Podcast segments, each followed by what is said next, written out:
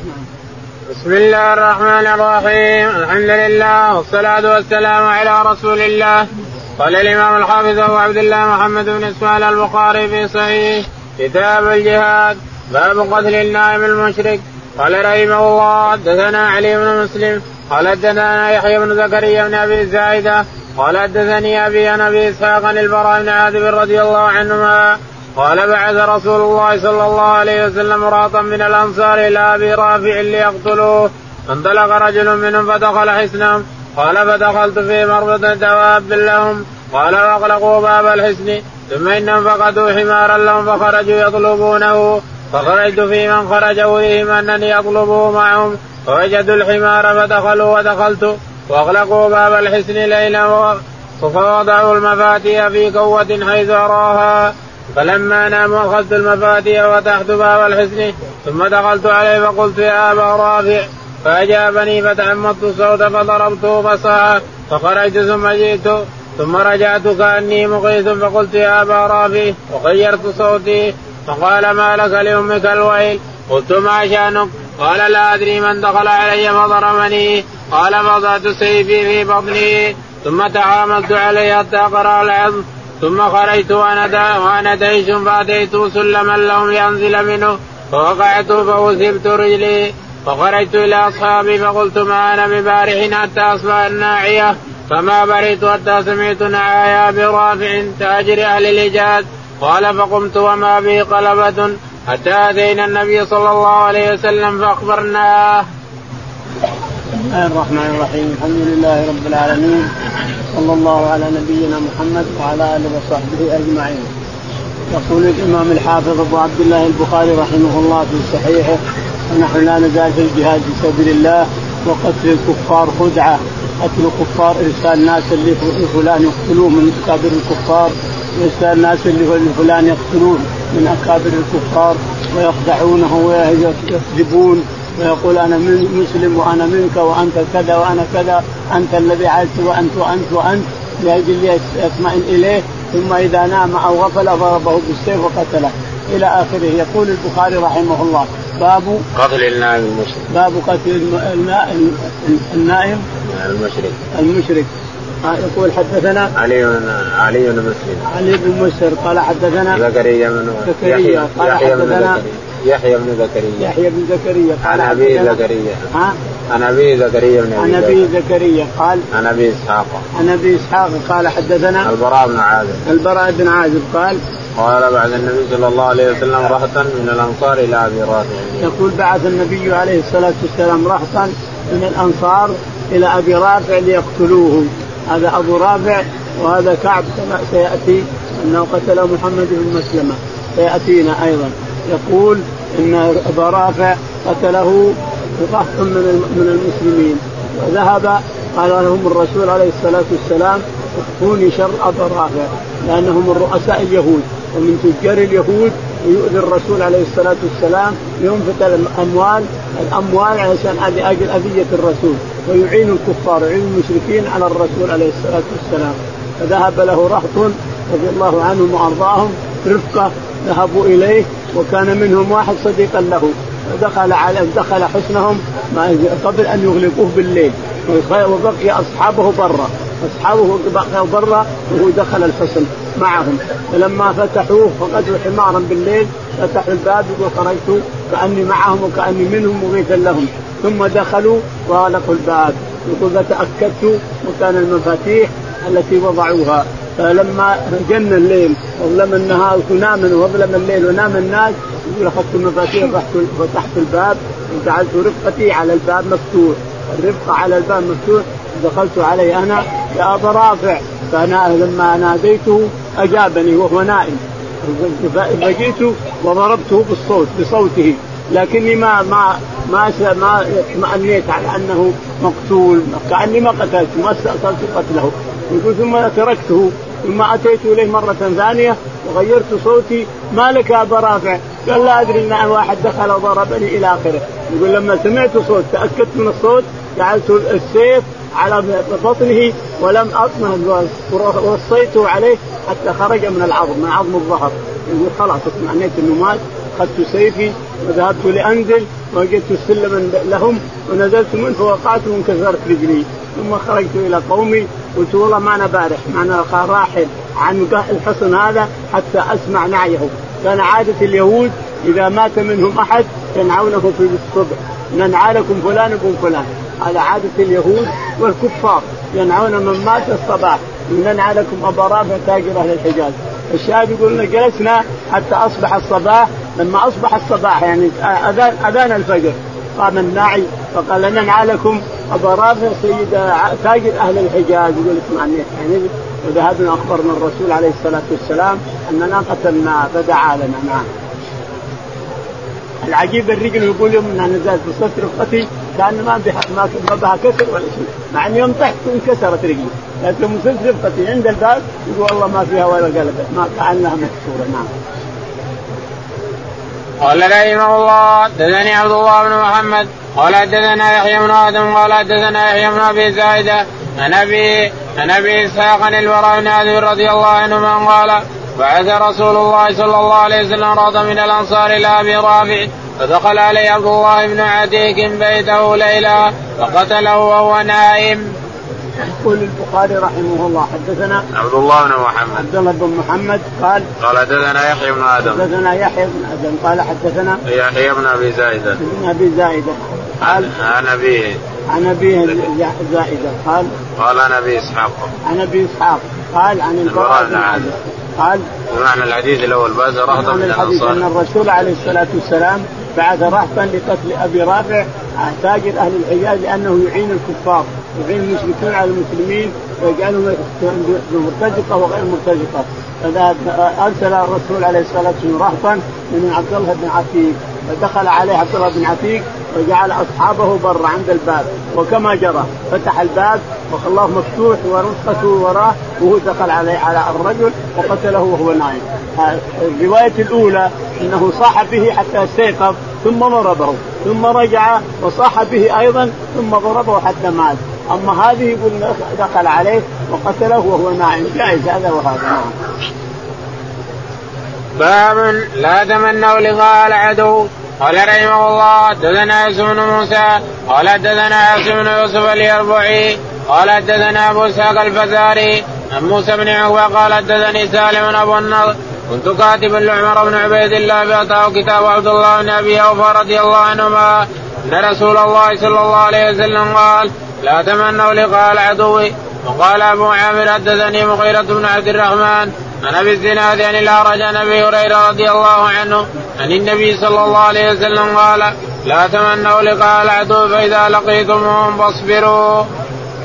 يقول البخاري رحمه الله باب لا تمنوا لقاء لا تمنوا لقاء العدو. واسألوا الله العافية في بعض الروايات. لا تمنوا لقاء العدو. لا تقول يا ليت من الكفار نقاتلهم يا ليت من المنافقين نقاتلهم يا ليت لا تمنى هذا. لأنك ما تدري لو تفتن الإنسان. ما تدري شخص منك أيام اللقاء. الساعة اللقاء حين يتلاقى الكفار المسلمين بالسيوف ما تدري شخص منك الإنسان. ما تدري تصير جبان تصير من جبان تصير بطل تصير من بطل. ما تدري الإنسان. فلا من لقاء العدو. ولكن اسأل الله العافية. فإذا لقيت العدو فاصبر. إذا لقيت العدو فاطمئن واصبر وتوكل على ربك تعالى وتقدس وقاتل باخلاص تنصر بإذن الله. لأن الله يقول وكان حقا علينا نصر المؤمنين وكان حقا علينا نصر المؤمنين. فلا يمكن لمؤمن أن يخذل ما يمكن. لأن الله جعل حقا على نفسه. وحق كان حقا علينا نصر المؤمنين. اذا فالذي يهزم من المسلمين اليوم ويتولى عليه الكفار هو مسلم بس أما إيمان لا. ما في ايمان لأن الله يقول وكان حقا علينا نصر المؤمنين. فالمؤمن لابد أن ينصره الله تعالى وتقدس ينزل تأييد ورعب بالكفار وينزل ملائكة وينزل كذا. هذا إذا كانوا مؤمنين. أما إسلام بس أو إسلام مزيف أو إسلام بالجواز فقط فهذا لا ينصر على كل حال. سلط عليه الكفار ولو كان مسلم. سلط عليه الكفار ويستولون على دياره بلاده لأن الإيمان مفقود. والله يقول كان حقا علينا نصر المؤمنين. فالشاهد يقول حدثنا يوسف بن موسى. يوسف بن موسى. قال حدثنا عاصم بن يوسف. عاصم بن يوسف. قال حدثنا أبو إسحاق الفزاري أبو إسحاق الفزاري قال عن موسى بن عقبة. عن موسى بن عقبة قال عن سالم بن نضر. عن سالم بن نضر. عن كنت كاتبا لعمر بن عبيد الله. كنت كاتبا لعمر بن عبيده نعم. قال فأتاه ومولى له الظاهر كاتبا له ومولى له أيضا. قال فأتاه كتاب من عبد الله بن أبي أوفى يقول. يقول أن رسول الله صلى الله عليه وسلم قال لا تمنوا لقاء العدو. يقول إن النبي عليه الصلاة والسلام يقول لا تمنوا لقاء العدو. وفي بعض الروايات واسألوا الله العافية فإذا لقيتموه فاصبروا أو فاثبتوا.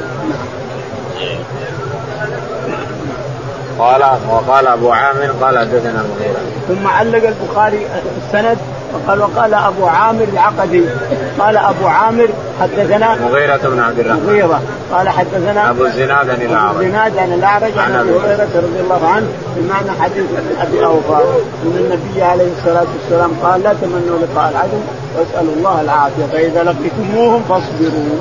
وفي نسخة واعلموا أن الجنة تحت ظلال السيوف. واعلموا أن الجنة تحت ظلال السيوف، الجنة تحت ظلال السيوف لا شك. ثم قال اللهم منزل الكتاب ومجري السحاب قال اللهم منزل الكتاب وهذه وهذه السحاب. ومجري السحاب وهذه الأحزاب. انصرنا عليهم. باب الحرب خدعة. قال رحمه الله حدثنا عبد الله بن محمد. قال حدثنا عبد الرزاق قال أخبرنا معمر عن همام عن أبي هريرة رضي الله عنه النبي صلى الله عليه وسلم قال هلك كسرى ثم لا يكون كسرى بعده. وقيصر لا يهلكن ثم لا يكون قيصر بعده ولتقسمن كنوزها في سبيل الله وسمى الحرب خدعه. يقول البخاري رحمه الله باب الحرب خدعة. حدثنا عبد الله بن محمد. عبد الله بن محمد. قال حدثنا عبد الرزاق. عبد الرزاق. قال حدثنا معمر. معمر قال عن همام عن أبي هريرة. عن همام عن أبي هريرة رضي الله تعالى عنه أن النبي عليه الصلاة والسلام قال هلك كسرى ثم لا يكون. كسرى ولا كسرى بعده وهلك قيصر ولا قيصر بعده نعم. ولا تقسمن كنوزهما في سبيل ولا تقسمن كنوزهما في سبيل الله. نعم قسمت قسمت في سبيل الله أيام عمر بن الخطاب. استولى المسلمون على كسرى وامواله بجميعها حتى هرب إلى آخر الدروب. استولى على ديار قيصر وهرب. المهم إنها جاءت كنوزهما حتى إن النبي عليه الصلاة والسلام قال إن لتنفقن كنوزهما في سبيل الله وشبه رجل أنه يلبس ثياب كسرى أو تاجه وقميص وأشياء اللي يلبسها فالبسوها سرقة بن مالك بن جعشم أيام عمر بن الخطاب رضي الله تعالى عنه. الشاهد إن كنوزهما أنفقت في سبيل الله كنوز كسرى وقيصر. ثم قال عليه الصلاة والسلام نعم. الحرب خدعه الحرب خدعه يعني أنك بامكانك أن تخدع الناس الانسان خالد بن الوليد رضي الله عنه انتصر في تربة في وقعه موتة اللي سوت تسمى تربة. لما جاء خالد رضي الله عنه وراى أن جعفر قتل وراى أن عبد الله بن زيد بن حارثة قتل. وراى عبد الله بن رواحة قتل أخذ رايته بنفسه ثم جعل القلب جعل المقدمة مؤخرة واليمين يسار والقلب غير وغير القلب. ثم لما أصبح الناس رأوا أن الجيش متغير مرة فراى الكفار أن الجيش تغير وأن فيه آثار. قالوا الحين عجزنا نحاربهم قليل فكيف ثم خدعه من خالد رضي الله عنه خدعه فهرب الكفار وجاء خالد المسلمين لأن هؤلاء 100000 وهذول 3000 فخدعهم ورجع بالمسلمين سالمين. خالد بن رضي الله عنه. قال رحمه الله دثنا أبو بكر بن اصرم قال دثنا عبد الله قال أخبرنا معمر عن همام بن منبه عن أبي هريرة رضي الله عنه قال لما النبي صلى الله عليه وسلم الحرب خدعه. يقول حدثنا أبو بكر بن اصرم أبو بكر قال حدثنا عبد الله. عبد الله قال حدثنا معمر. معمر قال حدثنا همام بن منبه همام قال حدثنا أبو هريرة. أبو هريرة رضي الله عنه أن النبي عليه الصلاة والسلام قال الحرب خدعة. يعني لك أن تخدع وتكذب الإنسان وتمكر تمكر بهم وتخدعهم وتكذب لك هذا كله جائز في الحرب. قال رحمه الله دثنا صدقة بن الفضل قال أخبرنا ابن عيينة عن عمرو أنه سمع جابر بن عبد الله رضي الله عنه قال قال النبي صلى الله عليه وسلم الحرب خدعة. يقول البخاري رحمه الله حدثنا صدقة بن الفضل. صدقة بن الفضل قال حدثنا سفيان بن عين سفيان قال حدثنا عمرو بن دينار. عن بن دينار عن جابر بن عبد الله. عن جابر بن عبد جابر رضي الله عنه أن النبي عليه الصلاة والسلام سمى الحرب خدعة. قال الحرب خدعة. أبو هريرة وعبد الله بن أبي أوفى وجابر وأربعة رووا لنا أن الحرب خدعة ويجوز أن تخدع يجوز أن تكذب وتمكر نعم. باب الكذب في الحرب قال رحمه الله دثنا قتيبة بن سعيد قال دثنا سفيان عمرو بن دينار عن جابر بن عبد الله رضي الله عنهما أن النبي صلى الله عليه وسلم قال من لكعب بن الأشرف فإنه قد اذى الله ورسوله. قال محمد بن مسلمة تحب أن أقتله يا رسول الله؟ قال نعم. قال فاتاه فقال إن هذا يعني النبي صلى الله عليه وسلم قد عنانا وسألنا صدقة. قال واذا والله. قال فإنا قد اتبعناه فنكره أن ندعه حتى ننظر إلى ما يصير أمره. قال فلم يزل يكلمه. حتى أستمكن منه؟ فقتله. يقول البخاري رحمه الله باب الكذب في الحرب. باب الكذب في الحرب. حدثنا قتيبة بن سعيد؟ قتيبة بن سعيد؟ قال حدثنا سفيان بن عين. سفيان بن عيينة قال عن عمرو بن دينار. عن عمرو بن دينار عن جابر بن عبد عن الله. جابر رضي الله تعالى عنه أن النبي عليه الصلاة والسلام طلب من بعض المسلمين أن يقتلوا كعب بن الأشرف أيضا لأنه من رؤساء اليهود ويؤذي الرسول عليه الصلاة والسلام. وقال محمد بن مسلمة الانصاري رضي الله عنه هل تحب يا رسول الله أن أقتله؟ قال نعم. قال إذن لي أن أكذب أبكذب وبقول إن هذا الرجل عنانا وهذا الرجل يطلب منا الأموال ويأخذ أموالنا بالقوة وهذا الرجل فعل وهذا الرجل. يعني بكذب عليك يا رسول أنت بكذب عليك. لكن اذا اللي قال افعل ما تشاء. قد اذنت لك وقد وافقتك بكل ما تريد. افعل ما تشاء. الحرب خدعه وكذب. فذهب محمد رضي الله عنه ومعه اثنين من أصحابه فدخل على كعب بن الاشرف وصار يكلمه ويؤانسه ويقول هذا الرجل عنانا وأتعبنا يطلب أموالنا بالقوة ياخذ أموالنا بالقوه ولا ندري قال هذا. ارجعوا منه تتركوه؟ قال نبي نشوف إيش بيسوي في الآخر. في الآخر إحنا على كل حال متحذرين منه. ونحن كذا ونحن كذا لما أمكنه. لكن القصة في البخاري مختصرة. لكن في أبي داود وغيره طولوها وهو أنه أتاه صوت له فقالت امرأته الصوت صوت الدم أشم بهذا الصوت؟ قال لا هذا محمد صديقي. ما يقول لي شيء ولا لو يجي نايم قال قالت والله الصوت الصوت هذا فيه الدم هذه امرأته. لكن ما ما ما فالشاهد أنه دخل عليه وتحدث معه وابطى حتى استأنس منه ثم قتله. وضربه بالسكين أو برمح أو بخنجر خرق بطنه. ثم خرج عليه رضي الله عنه وأرضاه وأخبر الرسول أنه قتله. باب الفتك بأهل الحرب.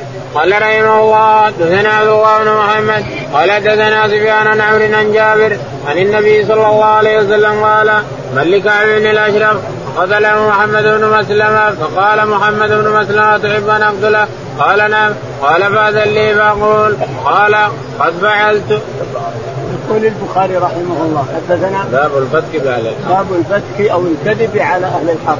حدثنا عبد الله بن محمد. عبد الله بن محمد. قال حدثنا سفيان. سفيان. قال حدثنا عمرو بن دينار عمرو. قال حدثنا جابر بن جابر رضي الله عنه أن النبي عليه الصلاة والسلام قال لكعب بن قال لمحمد محمد بن مسلمه ما قال لي بكعب بن الأشرف. قال تحب ان اقتله يا رسول الله؟ قال نعم. قال سأقول. بكذب وبقول وبقول. قال فعلت. فعلت. وبقول فذهب واستأذن عليه ودخل عليه حصنه ثم يؤانسه ويحدثه حتى استمكن منه ثم قتله. باب ما يجوز من الاحتيال والحذر مع من يخشى معرته. قال الليث حدثني عقيل عن ابن شهاب عن سالم بن عبد الله عن عبد الله بن عمر رضي الله عنه أنه قال انطلق رسول الله صلى الله عليه وسلم ومعه أبي بن كعب قبل ابن صياد فحدث به في نخل فلما دخل عليه رسول الله صلى الله عليه وسلم النخل طفق يتقي بجذوع النخل وابن صياد في قطيفة له فيها رمرمة. فلا فرأت أم ابن سياد رسول الله صلى الله عليه وسلم فقالت يا صافي هذا محمد ووسع ابن صياد فقال رسول الله صلى الله عليه وسلم لو تركته بيا. يقول البخاري رحمه الله باب ما يجوز من الاحتيال والحذر مع من يخشى. من الاحتيال والحذر ممن يخشى شره. ممن يخشى شره ومعرته يقول حدثنا الليث تعليق الليث بن سعد. الليث بن سعد تعليق. قال وقال الليث بن سعد حدثنا عقيل بن عقيل. عقيل. قال حدثنا الزهري. قال عن سالم بن عبد الله عن ابيه سالم بن عبد الله عن ابي عبد الله بن عمر أن النبي عليه الصلاة والسلام ذهب إلى ابن صياد ومعه أبي بن كعب رضي الله عنه في حديقة له. فأتاه وقد تلحف في قطيفه له وهو يهمهم ويدمدم وابن صياد كان الرسول يتهمه أنه هو الدجال أو شيء من هذا. يتهم لأنه ما نزل وحي لهذا الشخص. فلما أتاه ودخل عليه صار يتغير في النخلة من النخلة إلى النخلة من النخلة إلى النخلة علشان يسمع همهمته وزمزمته ولكن أمه رأت الرسول عليه الصلاة والسلام فقالت يا صعب صعب هذا تسمية أمه له صغره يا صعب محمد يا صعب فقام من القطيفه واعتدل قائما واقفا. قال لو تركته لبين. يعني نشوف هل هو الدجال الذي ذكر ولا غيره. فلما وقف قال ما الذي يأتيك؟ قال يأتيك يأتيني نبي أحيانا يأتي بكذا واحيانا قال خلصت خلصت اذا هذا المسلمون. يقولون هل هذا ابن صياد هو الدجال اللي مربوط اليوم؟ نقول لا. لأن ابن صياد الدجال لما أتاه تميم بن أوس الداري رضي الله عنه وسأله عن الرسول قال هل بعث محمد؟ معنى هذا أنه ما يدري عن محمد أنه بعث. هذا ابن صياد يتكلم مع محمد يتكلم معه والظاهر أنه مات. كما ورد في بعض الروايات أنه مات ابن صياد هذا الذي تكلم معه الرسول أما الدجال هو موجود مربوط الآن في جزيرة من جزر خراسان. الآن مربوط هو الدابة التي تسم الناس. مربوط إلى الآن. تميم بن أوس حدث الرسول بقصة لقياه له وأنه سألنا عنك وقلنا إنه بعث محمد. بعث محمد؟ قال بعث. قال هل الجزيرة كذا؟ تنبت وهل نخل بلسان ينبت وهل حول كذا وكذا. كل ما سألناه اجاب ما سألنا ان اجبناه فحدث تميم الرسول عليه الصلاة والسلام بهذا. قال الدجال مربوط الآن موجود حي. هو الدابة في جزيرة من جزر خراسان الآن في صحراء. كما ورد في مسند الإمام أحمد في مسند أبي بكر الصديق رضي الله تعالى عنه. باب الرجاز في الحرب ورفع الصوت في أمر الخندق فيه سالوا عن النبي صلى الله عليه وسلم وفي يزيد عن سلمة قال رحمه الله حدثنا مسدد قال حدثنا أبو الاحوص قال حدثنا أبو إسحاق عن البراء رضي الله عنه قال رأيت النبي صلى الله عليه وسلم يوم الخندق وهو ينقل التراب حتى وار التراب شعر صدره وكان رجلا كثير الشعر وهو يرتجز برجز عبد الله اللهم لولا أنت ما اهتدينا ولا تصدقنا ولا صلينا فانزلا سكينة علينا وثبت الأقدام ان لاقينا إن الاعداء قد بغوا علينا إذا أرادوا فتنة أبينا يرفع بها صوته. يقول البخاري رحمه الله باب الرجز في الحرب باب الرجز في الحرب يعني إذا أردت أن تناشد الناس تتقوى بنشيد وتعمل انت واصحابك إنسان وتتكاتفون لكم أن تتمثلوا بالنشيد وتقولونه سواء بصوت واحد أو باصوات أو شيء من هذا، المهم إذا صار الغنى في الحرب فهو جائز، الأغاني تغني الإنسان أنت وأصحابك تشدوا على الحرب فهو جائز حينئذ. يقول رحمه الله حدثنا في سالم بن سالم بن عمر يعني أتوا بالحديث وكذلك سعيد بن سعيد وواحد معه. غير الحديث اللي بين يدينا نعم. قال حدثنا مسدد. حدثنا مسدد، قال حدثنا أبو الأحوص. أبو الأحوص قال. قال حدثنا أبو إسحاق. حدثنا أبو إسحاق قال. عن البراء بن عازب. عن البراء بن عازب رضي الله عنه قال. قال رأيت النبي صلى الله عليه وسلم يوم الخندق وهو ينقل التراب حتى ورد التراب رأيت النبي عليه الصلاة والسلام ينقل التراب مع الناس اللي ينقلون التراب لما أشار سلمان رضي الله عنه سلمان الفارسي لما رأى الرسول حزين وأن قريش يقولون يأتون بأربعة آلاف وكيف يحصن المدينة وكيف يفعل؟ فقال سلمان يا رسول الله ان في بلادنا هناك إذا بيجينا عدو سمعنا أن عدو أكثر منا وأقوى منا بيجينا حفرة ما يقدر يتعداها. وأنتم عندكم الجبل منها محيط وحفرة حولهم الهلال. فقال الرسول نعم نعم نعم. فصاروا يحفرون الناس وصار الرسول ينقل التراب معهم لواسي أصحابه عليه الصلاة والسلام. ينقل التراب لواسي أصحابه. يقول البراء فرأيت التراب؟ قد اغبر صدره. شعر صدره كثير عليه الصلاة والسلام. شعر الصدر يقول رأيت غط التراب صدره. ينقل تراب بمثل أو بشيء من هذا إلى إلى خارج حتى انتهى الخندق صار مثل الهلال على المدينة. احاط بالمدينة مثل الهلال ومن وراء جبال لا يقدروا يجون الجبال. ومن هنا خندق. جاء أبو سفيان وجد الحفر هذه ما استطاعوا جلسوا يوم كم يوم ثم جاءتهم الريح وشالتهم إلى الأبد. نعم. وهو يرتجز برجز عبد الله. وهو ينقل التراب عليه الصلاة والسلام ويرتجز بشعر عبد الله بن رواحة رضي الله عنه. اللهم لولا أنت ما اهتدينا ولا تصدقنا ولا صلينا فانزلا سكينة علينا وثبت الأقدام ان لقينا إن الأولى قد بغوا علينا إذا أرادوا فتنة أبينا أبينا أبينا يرفعوا بها صوته ويرفع الصحابة أصواتهم بها عليه الصلاة والسلام. باب من لا يثبت على الخيل قال رحمه الله حدثنا محمد بن عبد الله بن نمير قال حدثنا ابن إدريس عن إسماعيل عن قيس عن جرير رضي الله عنه قال ما حجبني النبي صلى الله عليه وسلم منذ أسلمت ولا رأني إلا تبسم في وجهي ولقد شكوت إليه فاني إني لا أثبت على الخيل فضرب بيده في صدري وقال اللهم ثبته واجعله هاديا مهديا. يقول البخاري رحمه الله باب من لا يثبت على الخيل. إن الإنسان اللي لا يثبت على الخيل ما يثبت اذا ركبت الفرس طاح جاء منهم جرير كما سيأتي يقول البخاري حدثنا محمد بن عبد الله محمد بن عبد الله بن نمير قال حدثنا ابن إدريس. ابن إدريس قال عن إسماعيل بن أبي خالد. عن إسماعيل بن أبي خالد عن قيس عن قيس بن أبي حازم عن جرير. عن جرير رضي الله تعالى عنه يقول أتيت النبي عليه الصلاة والسلام فاسلمت وعاهدته وقال وعاهدته أو قال بايعته وبعد هذا يقول ما رآني إلا ابتسم وسوى ولا ولا حجبني النبي صلى الله عليه وسلم لما ولما أسلمت ما أتيت المدينة وحجبني. لي أدخل ولا رآني إلا ابتسم ثم دعا لحمص وهم 150 فرس مع جرير رضي الله عنه الذي جب بجيله. معهم 50 لكن يقول كنت لا أثبت على الفرس.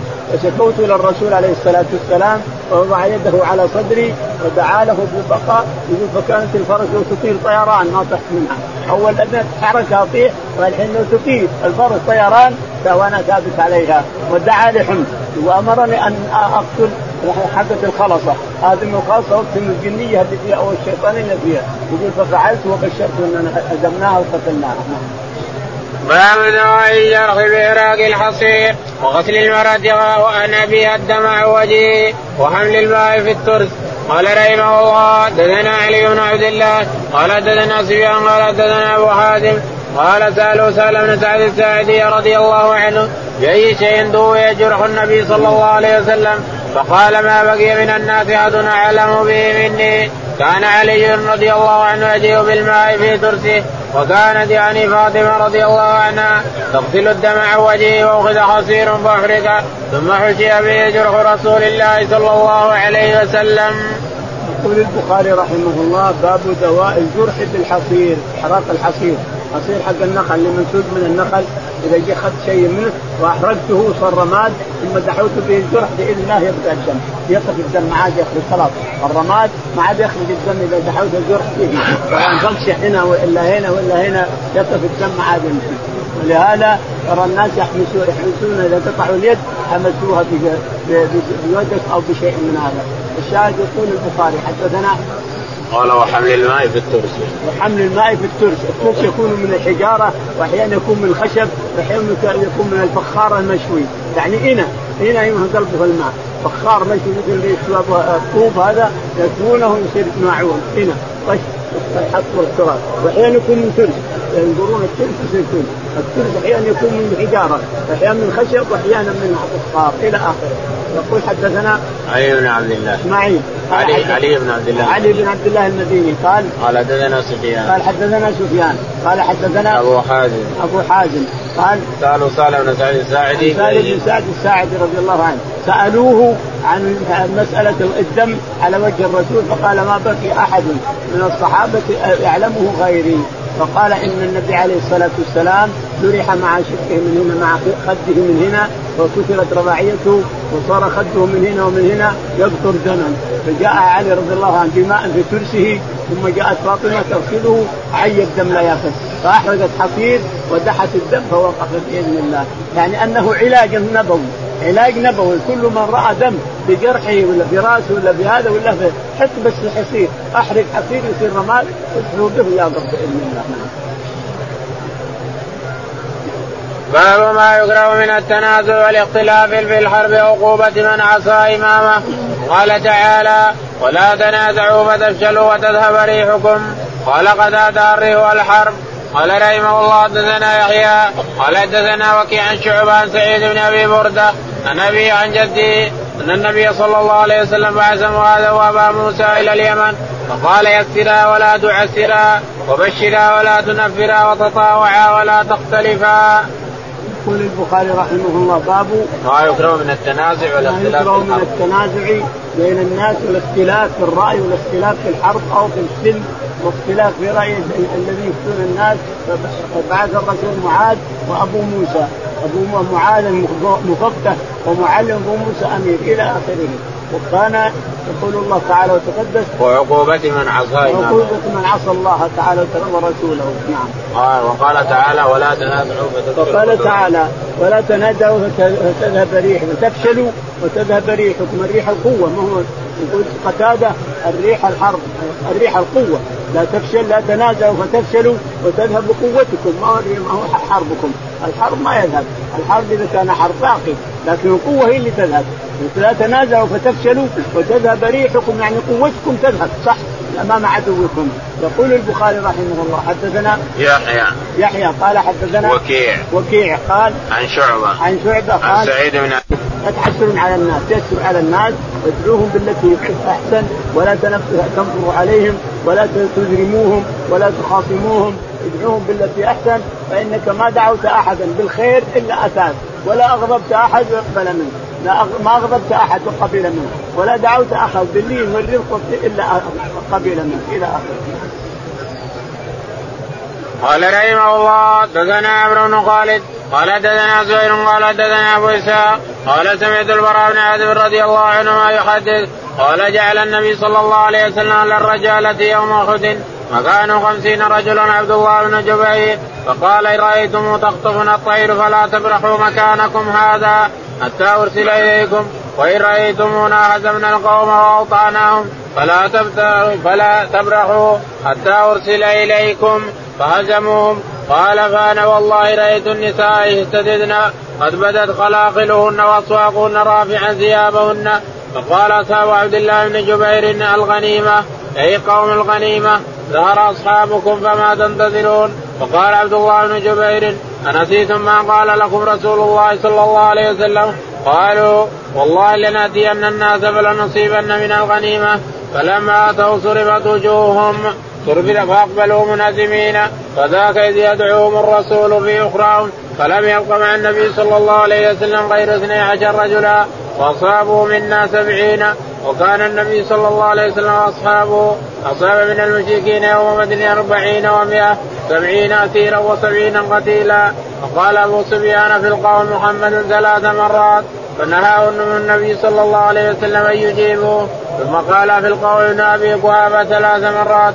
ثم قال في القوم ابن الخطاب ثلاث مرات. ثم رجع إلى اصحابه فقال أما هؤلاء فقد قتلوا. فما ملك عمر رضي الله عن نفسه فقال كذبت. والله يا عدو والله إن الذين عددت الأحياء كلهم وقد بقي لك ما يسوق. قال يوم بيوم قال يوم بيوم بدر. والحرب سجال انكم ستجدون في القوم مثله لم آمر بها ولم تصني ثم أخذ يرتجز أعلوه بل أعلوه بل. قال النبي صلى الله عليه وسلم لا تجيبوا له. قالوا يا رسول الله ما نقول؟ قال قولوا الله أعلى وأجل. قال إن لنا العزى ولا عزى لكم. وقال النبي صلى الله عليه وسلم لا تجيبوا. قالوا قال قال يا رسول الله ما نقول؟ قال قولوا الله مولانا ولا مولى لكم. يقول البخاري رحمه الله في قصة وقعت أحد وغزيمه المسلمين فيها وعقوبة معصية الرسول عليه الصلاة والسلام. العقوبة عقوبة المعصية. إذا عصى الناس الرسول عوقبوا عقوبة شديدة. أما معجلة أو مؤجلة. يقول البخاري رحمه الله حدثنا عمرو بن خالد. عمرو بن خالد. قال حدثنا زهير. زهير. قال حدثنا أبو إسحاق. أبو إسحاق. قال حدثنا البراء بن عازب. البراء بن عازب. قال جعل النبي صلى الله عليه وسلم على الرجالة يوم أحد وكانوا خمسين رجلا. عبد الله بن جبير جعل النبي عليه الصلاة والسلام على الثنية ثنية أحد التي تنزل على الساحة. ساحة أحد اللي فيها القوم اللي فيها الرسول عليه الصلاة والسلام وسيأتي بشرون يكون في هذه الساحة. يقول جعل أميرهم عبد الله بن جبير رضي الله عنه خمسين نفر وقال الرسول عليه الصلاة والسلام لا تبرحوا هذا المكان ولو تشوفون الطير تنزعنا. تشتين سنين تشتين لا تنزحوا امسكوا هذا المكان. فجاء أبو سفيان وجاء الناس وتضارب الناس فانهزم المشركون هزيمة شنعة. المشركون هزموا اما ما ضربهم المسلمون انهزم المشركون. هزيمة شنعة حتى يقول إني أشوف سيقان النساء خلع خليهن من منهزمات من المكان. ولكن قوم جبير قالوا ننزل الناس انهزموا الكفار انهزموا ولو نبي من الغنيمة. يعني الغنيمة الغنيمة. وتنادوا ونزلوا بقي بن جبير وحده. جاء خالد بن الوليد رضي الله عنه بالخيانة مع الثنية ولم يلقى إلا عبد الله بن جبير فقتله. ونزل من الثنية انظر. فصار الرسول عليه الصلاة والسلام وأصحابه بين عدوتين. انظر العقوبة كيف. عقوبة عصيان الرسول عليه الصلاة والسلام. الثنية خلت خلاص عبد الله بن جبير قتل الرئيس وجماعه نزلوا يبون المال وحصروا. انقلبوا على وجوههم نعوذ بالله. انقلبوا ما حصلوا مال ولا ولا أطاعوا الرسول عليه الصلاة والسلام. فحصلت الهزيمة يوم أحد وحصل ما حصل. نعم. قال أبو سفيان في القوم محمد ثلاثة ثم بعد ما انتهى الحرب وحصل ما حصل ومثلوا بالمسلمين. لما قتلوا الناس مثلوا بهم اللي شكوا بطنه واللي خذوا اذانه واللي كذا واللي كذا. قال نادى أبو سفيان أبيكم محمد؟ قال لا تجيبوه. أبيكم ابو أبي قحافة؟ لا تجيبوه. أبيكم ابن الخطاب لا تجيبوه. فقال هؤلاء قتلوا قال هؤلاء ليسوا موجودين ما دام ما نجيبوه. فلم يملك عمر نفسه. قال كذبت يا عدو الله. إنهم باقين. كل اللي سميت أحياء باقين. وبقي لك ما يسوءك يا وبقي ما لك ما يسوءك يا ابن يا ابن يا, يا عدو الله. فقال اعلو هبل. اعلو هبل. هبل أكبر صنم في الكعبه هنا.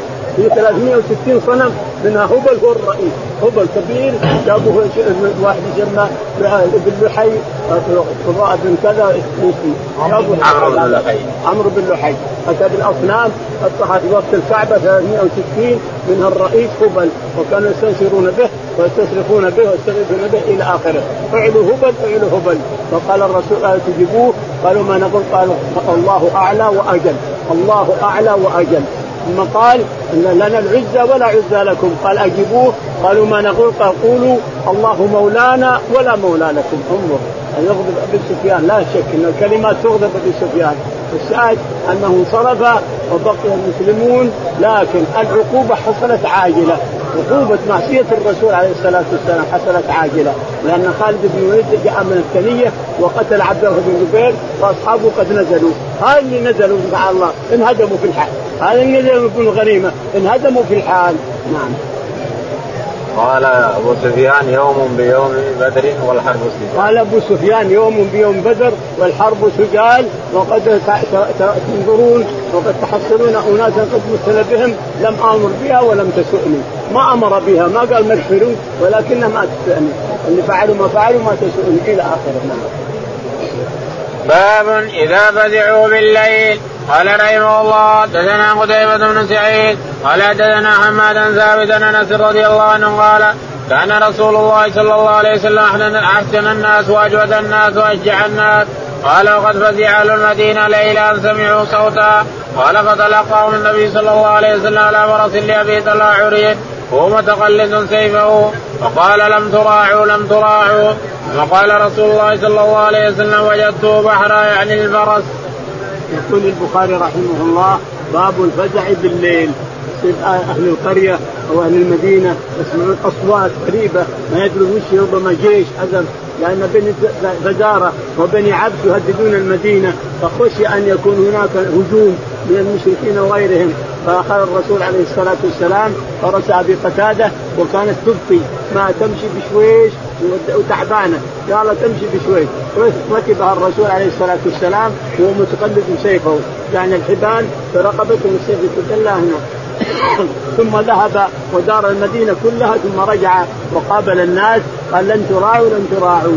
ما في يعني الصوت هذا ما هو شيء ما ما ما يجرنا شيء. ربما حاجة خبطت من السماء أو شيء من هذا لكن ما في شيء. دورة المدينة كلها ما في شيء. لن تراعوا لن تراعوا. ثم رجع قال الفرس وجدناه وجدته بحرة وجدته اللي تقولون ما يمشي. وجدته بحر يطير طيران. إلى آخره. باب من رأى العدو فنادى بعلى صوته يا صباحا حتى يسمع الناس. قال رحمه الله دثنا المكي بن إبراهيم قال أخبرنا زيد بن أبي عبيد عن سلمة رضي الله عنه أنه أخبره قال خرجت من المدينة ذاهبا نحو الغابة حتى إذا كنت بثنية الغابة لقيني غلام لعبد الرحمن بن عوف. قلت وياك ما بك؟ قال أخذت لقاه النبي صلى الله عليه وسلم قلت من اخذها؟ قال غطفان وفزاره فصرخت ثلاث صرخات أسمعت ما بين لابتيها يا صباحا يا صباحا. ثم اندفعت حتى ألقاهم وقد اخذوها وجعلت أرميهم وأقول أنا ابن الاكوى واليوم يوم الرضع.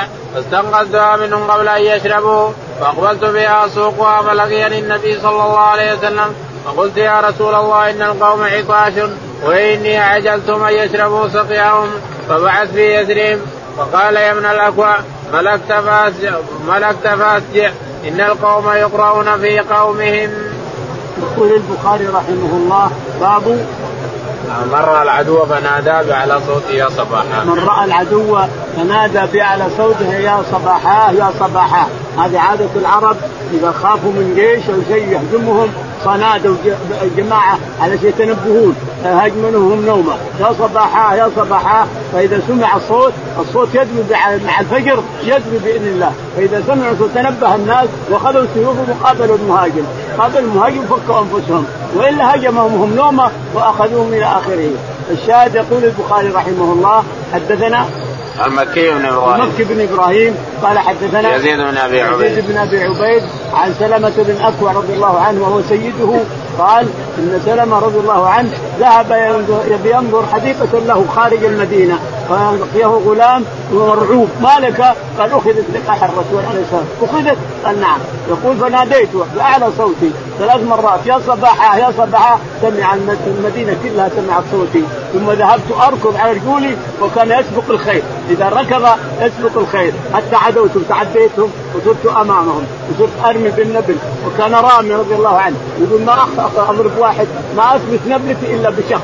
أما بفرس وإلا ببعير ولا بشخص. حتى رأوني خلوا الابل كلها وهجوا بس عشان نسلم عشان نسلم. يقول ورجعت رجعت الزوج حق النبي عليه السلام كلها بما فيها إلا أن الراعي قتلوه. يقول فأرجعتها وأتت الخيل وأتى الرسول عليه الصلاة والسلام. فقلت يا رسول الله إنهم عطاش شربوا وعطشانين ما خليتهم يشربون. قال نتبعهم قال إذا وليت فأسجح. يعني إذا أوليت فارفق بهم اليوم الجماعة الآن يصرون في بيوتهم خلاص وصلوا الهم ما يمديك توصلهم. لكن إذا وليت فاسجح يقول فردينا الإبل. فالشاهد إن سلمة بن اكوع رضي الله عنه كان رامي وكان بطل وجاءهم من قدام من أمامهم. صاحب الجيوش وجد صاحب الرسول عليه السلام والخيل وجت الخيل لكنه قد ردها وحده رضي الله عنه. بالنبل يضرب النبلة وإذا خبطت النبلة بعين أحد أو صدره طاف من بعد. ثم مثلا ثم شافوا هذا الشيء؟ ثم يتركون الإبل يهجون. حتى بعارينهم بعضهم تركها وهجوا على رجولهم إلى اخره باب من قال خذها وأنا ابن فلان وقال سلم خذها وأنا ابن الأكوع. قال رحمه الله دثنا عبيد الله بن إسرائيل نبي إسحاق قال سأل رجل البراء رضي الله عنه فقال يا أبا عمارة أوليتم يوم حنين؟ قال البراء وأنا أسمع أما رسول الله صلى الله عليه وسلم لم يولي يومئذ كان أبو سفيان الحارث آخذا بعنان بغلته فلما غشيه المشركون نزل فجعل يقول أنا النبي لا كذب أنا ابن عبد المطلب. قال فما روي من الناس يومئذ أشد من يقول البخاري رحمه الله باب من قال وأنا ابن الاكوع سلمة كان يضرب القوم يقول خذ أنا اليوم يوم الرضع خذها وأنا ابن الاكوع اليوم يوم الرضع خذها وأنا ابن الاكوع حتى رد الإبل كلها. وأما هنا فقصة حنين يقول البخاري حدثنا عبيد الله. عبيد الله قال حدثنا إسرائيل. إسرائيل قال حدثنا أبو إسحاق. أبو إسحاق قال سأل رجل البراء عن فقال يا سأل رجل البراء بن عازب عن إيش؟ أوليتم يوم حنين. أوليتم من حنين قال لكن الرسول ما ولى عليه الصلاة والسلام كان راكبا فرس عليه الصلاة والسلام ولما رأى المشركين غشوه نزل من الفرس وركب البغلة. نزل من الفرس؟ انظر الناس يدور فرس حاج الرسول لا نزل من الفرس وركب البغلة وأبو سفيان بن الحارث بن عبد المطلب أخذ بعنانها بحبل يلقى بصدره السهام الذي يرمها هوازن وثقيل. فنزل الرسول عليه الصلاة والسلام على ان تناول تراب من الأرض. ثم حفظه فلم يبقى ولا واحد إلا دخل في عينه تراب. ثم هزمهم الله تعالى. تقدم الصحابة منهم من حاج وصارت ناقته ما ما ما يمكن يردها نزل منها وجاء لما صاح العباس وصاح بالمهاجرين والأنصار. أتوا تركوا الابل من هذا. فبعضها ابعد الشاهد أن الرسول عليه الصلاة والسلام استولى على هوازن جميعها وأخذ أموالهم ونساءهم ومن حضر ذلك اليوم. فما روي من الناس يومئذ أشد منه. فما روي من الناس يومئذ أشد منه في الحرب لأنه نزل إلى البغلة. نزل على البغلة ثم تناول ترابه على البغلة فحسب بها عيونهم باب إذا نزل العدو على حكم رجل قال رحمه الله دثنا سليمان بن حرب قال دثنا شعبان سعد بن إبراهيم عن أبي أمامة وسهل بن حنيف عن أبي سعيد الخدري رضي الله عنه قال لما نزلت بنو قريظة على حكم سعد بن وابن معاذ بعث رسول الله صلى الله عليه وسلم وكان قريبا منه فجاء على حمار فلما دنا قال رسول الله صلى الله عليه وسلم قوموا إلى سيدكم. فجاء فجلس إلى رسول الله صلى الله عليه وسلم فقال له إن هؤلاء نزلوا على حكمك. قال فإني أحكم أن تقتل المقاتلة وتسبى الذرية. قال لقد حكمت فيهم بحكم الملك. يقول البخاري رحمه الله باب إذا نزل العدو على حكم رجل إذا نزل العدو على حكم رجل. جاء العدو كله قال ننزل على حكم فلان بن فلان. نحن ما ننزل إلا على حكم فلان فلان جائز هذا.